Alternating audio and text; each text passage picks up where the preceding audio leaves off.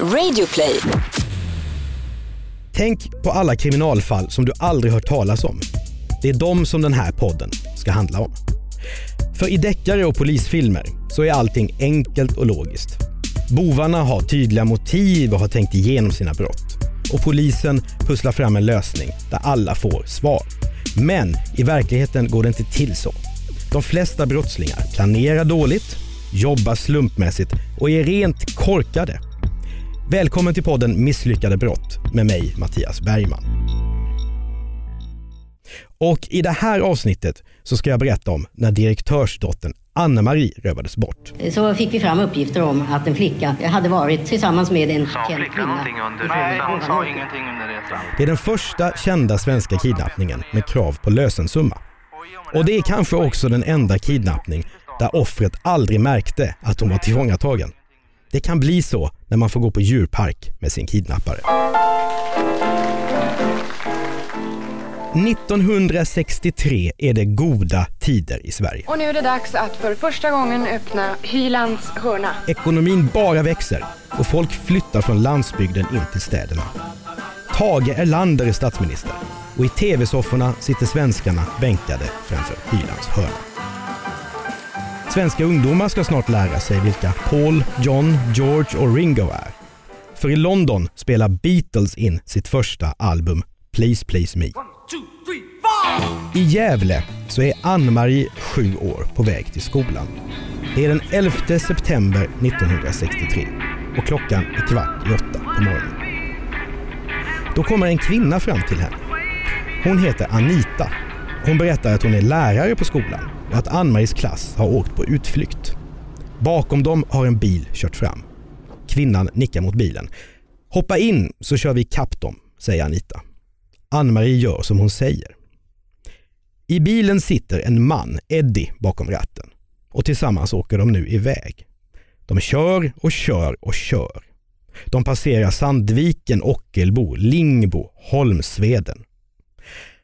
För att Ann-Marie inte ska förstå att hon faktiskt har rövats bort så ser Eddie och Anita nu till att distrahera flickan varje gång de passerar vägskyltar. På så vis så har hon ingen aning om var hon befinner sig.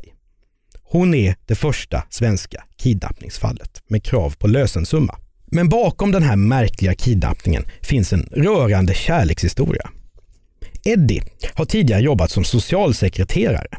Där har han kommit i kontakt med Anita som är ensamstående mamma och har ekonomiska problem. De två blir ett par. Men Eddie har inte heller så roligt. Hans fru har lämnat honom och han har underhåll att betala. Så det nykära paret har då börjat drömma om ett nytt liv tillsammans. Men då behövs det pengar. Först planerar de att starta en detektivbyrå i Örebro där Eddie tidigare har jobbat på regementet I3. Kanske så hade de tänkt sig någon form av Sherlock Holmes tillvaro där i gnällbältet. Watson! Holmes! My dear fellow, you've surpassed yourself. Men av detektivdrömmarna så blir det ingenting. Paret skissade också på ett rån mot ett bank eller postkontor. Men inte heller de planerna förverkligas. Istället fick de idén om att tjäna pengar på ett enklare sätt.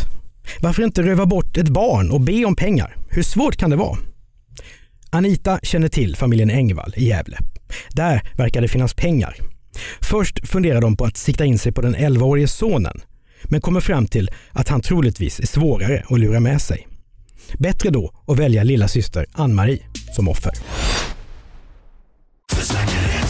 Dina händer är viktiga verktyg för arbetsdagen. Så den här veckan har vi 25% rabatt på alla skyddshandskar hos Swedol. Ja visst, passa på! Kika in i din närmsta butik eller handla på webben. När du köper skyddshandskar, välj Swedol för säkerhets skull. Hej! Är du en av dem som tycker om att dela saker med andra? Då kommer dina öron att gilla det här. Hos Telenor kan man dela mobilabonnemang. Ju fler ni är, desto billigare blir det. Skaffa Telenor familj med upp till sju extra användare. Välkommen till någon av Telenors butiker eller telenor.se.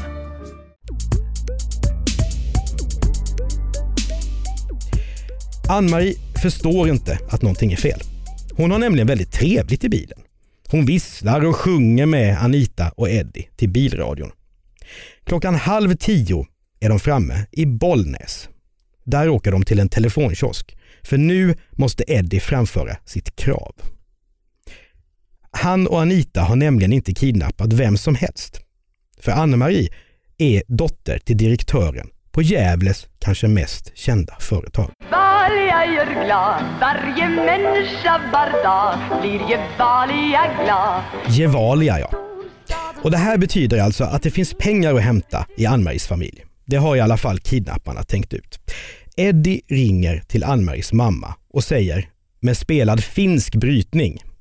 Vi har tagit er dotter och behöver 15 000 kronor. Det är ungefär 150 000 i dagens penningvärde. Mamman undrar om Ann-Marie är skadad såklart. Nej, det är ju en söt flicka och chefen har sagt att inte ett hår får krökas på hennes huvud, säger Eddie. Han vill ju skapa intrycket av att det är en hel liga som ligger bakom kidnappningen.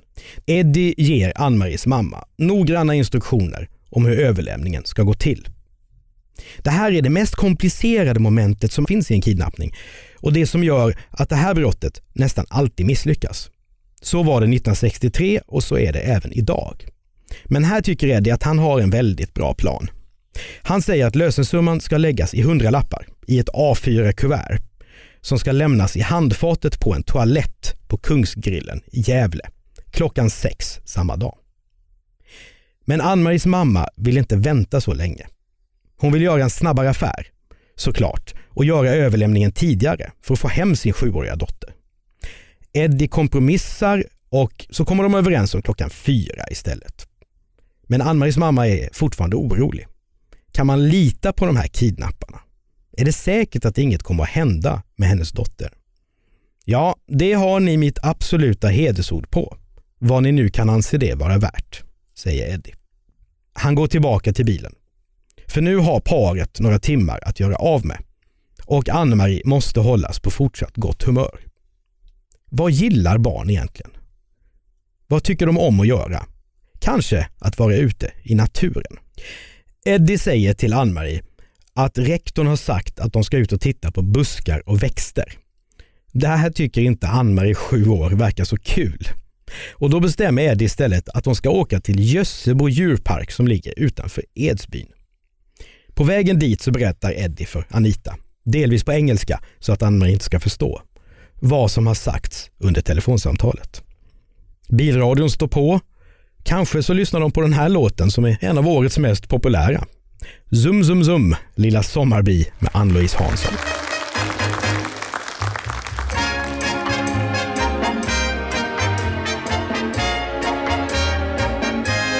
Väl framme vid Gössebo djurpark så stannar kidnapparen Eddie i bilen eftersom han ser folk från trakten som skulle kunna känna igen honom.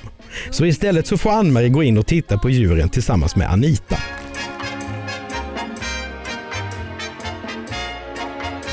Framåt eftermiddagen tar Eddie istället en taxi till Gävle.